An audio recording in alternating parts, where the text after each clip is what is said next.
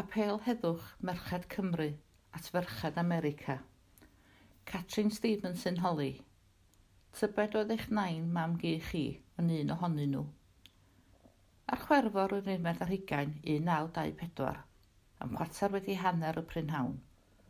Cynhalwyd cyfarfod rhyfeddol yn y tŷ gwyn, Washington, rhwng dirprwiaeth o fenywod o Gymru ac arlywydd America, Calvin Coolidge. Y menywod oedd Mrs Peter Hughes Griffiths, Miss Mary Ellis a Miss Elina Prys. A'i neges oedd trosglwyddo cyst yn llawn llomnodion Merched Cymru i'r arlywydd, yn gofyn iddo ac i'w wlad ymuno a chyngor y cenhedloedd unedig. Yn ystod y sermoni darllenodd Annie Hughes Griffiths, gan roi iddi ei henw priodol, apel am heddwch a byd i ryfel Fe cyflwynodd hi i'r arlywydd wedi ysgrifennu mewn llawysgrif gain ac o fewn clawr lledar hardd. Yna trosglwyddwyd y gys diofal amgueddfa Smithsonian yn Washington am byth. Ac felly bu aeth y digwyddiad yn angof tan y ddiweddar pan ddarganfwywyd yr apel yn archifau canolfan materion rhyngwledol Cymru yn y deml heddwch yng Nghaerdydd a dyddiadur Annie yn disgrifio'r daith i America yn y Llyfrgell Genedlaethol. Ond mudiad heddwch nain mewn gu sydd wedi codi proffil y stori hon, wrth iddynt fwrw ati ar ddarganfod y gys dy hun yn y Smithsonian a dechrau ymgyrch i'w dathlu a'i digidyddio. ar gyfer y cymlwyddiant yn 2024. Y nod yn y pen draw bydd ar ddangos rhai o 390,000 926 o lofnodion a gasglwyd a cheisio olrhain hanesion rhai o'r menywod hyn.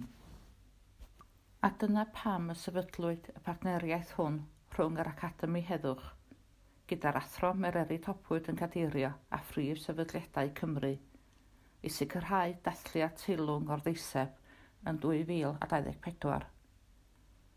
Rhan o hyn bydd ysgrifennu cyfrol yn adrodd hanes teithiau Merched Cymru dros heddwch ac mae grŵp brwdfrydig yn yr Unol Daleithiau wrthyn ymchwilio hanes y menywod yno a gefnogodd y fenter anhygoel hon yn 1924. Un agwedd hynod ddiddorol yw sut yn y byd mewn cyfnod i Facebook, e-bos na thrydar y llwyddwyd i gasglu'r llu llomnodion hyn. Wel, fel y gellid disgwyl, sefydlwyd gweithlu o drefnwyr lleol a bu 400 ohonynt yn dosbarthu'r apel ac yn casglu'r llomnodion. Ymddengys bod tua 30% o fenywod Cymru wedi arwyddo'r ddeiseb hon. Pwy oedd y trefnwyr lleol effeithiol hyn? Beth oedd yn eu cymell? A sut oedden nhw'n rhwydweithio? weithio? Mae'n amlwg fod nifer o fenywod reit gefnog a dylwanwadol yn ei plith.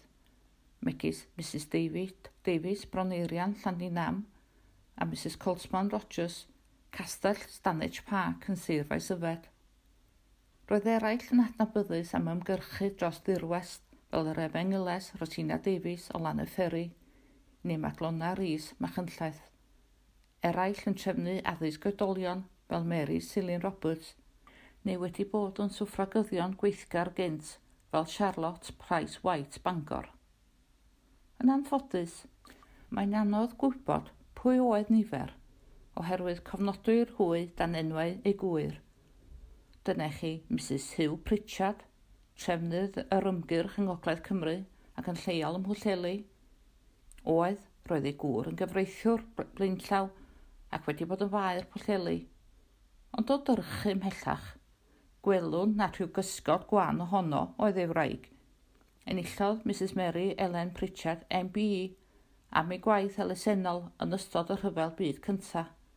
A phan mi farw ei gŵr yn 1920 dim, daliodd ati wasanaethu chymuned.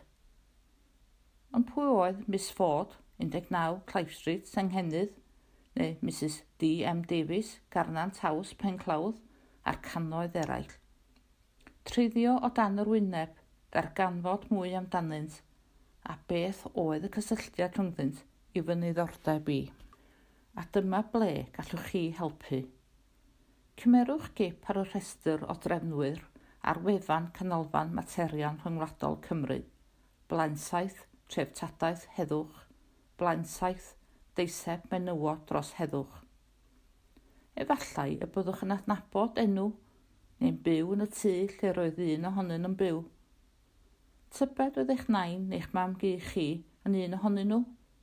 Os ydych chi'n adnabod enw, gwell fydd, os oes perthynas i chi neu plith. anfonwch air at katrinstevens at outlook.com. Un peth sy'n sicr am y menywod hyn yw ei bod un ag oll yn dyheu'n angerddol am heddwch a byd i rhyfel mae etifeddiaeth i'w trosori, i chofio a'i dathlu.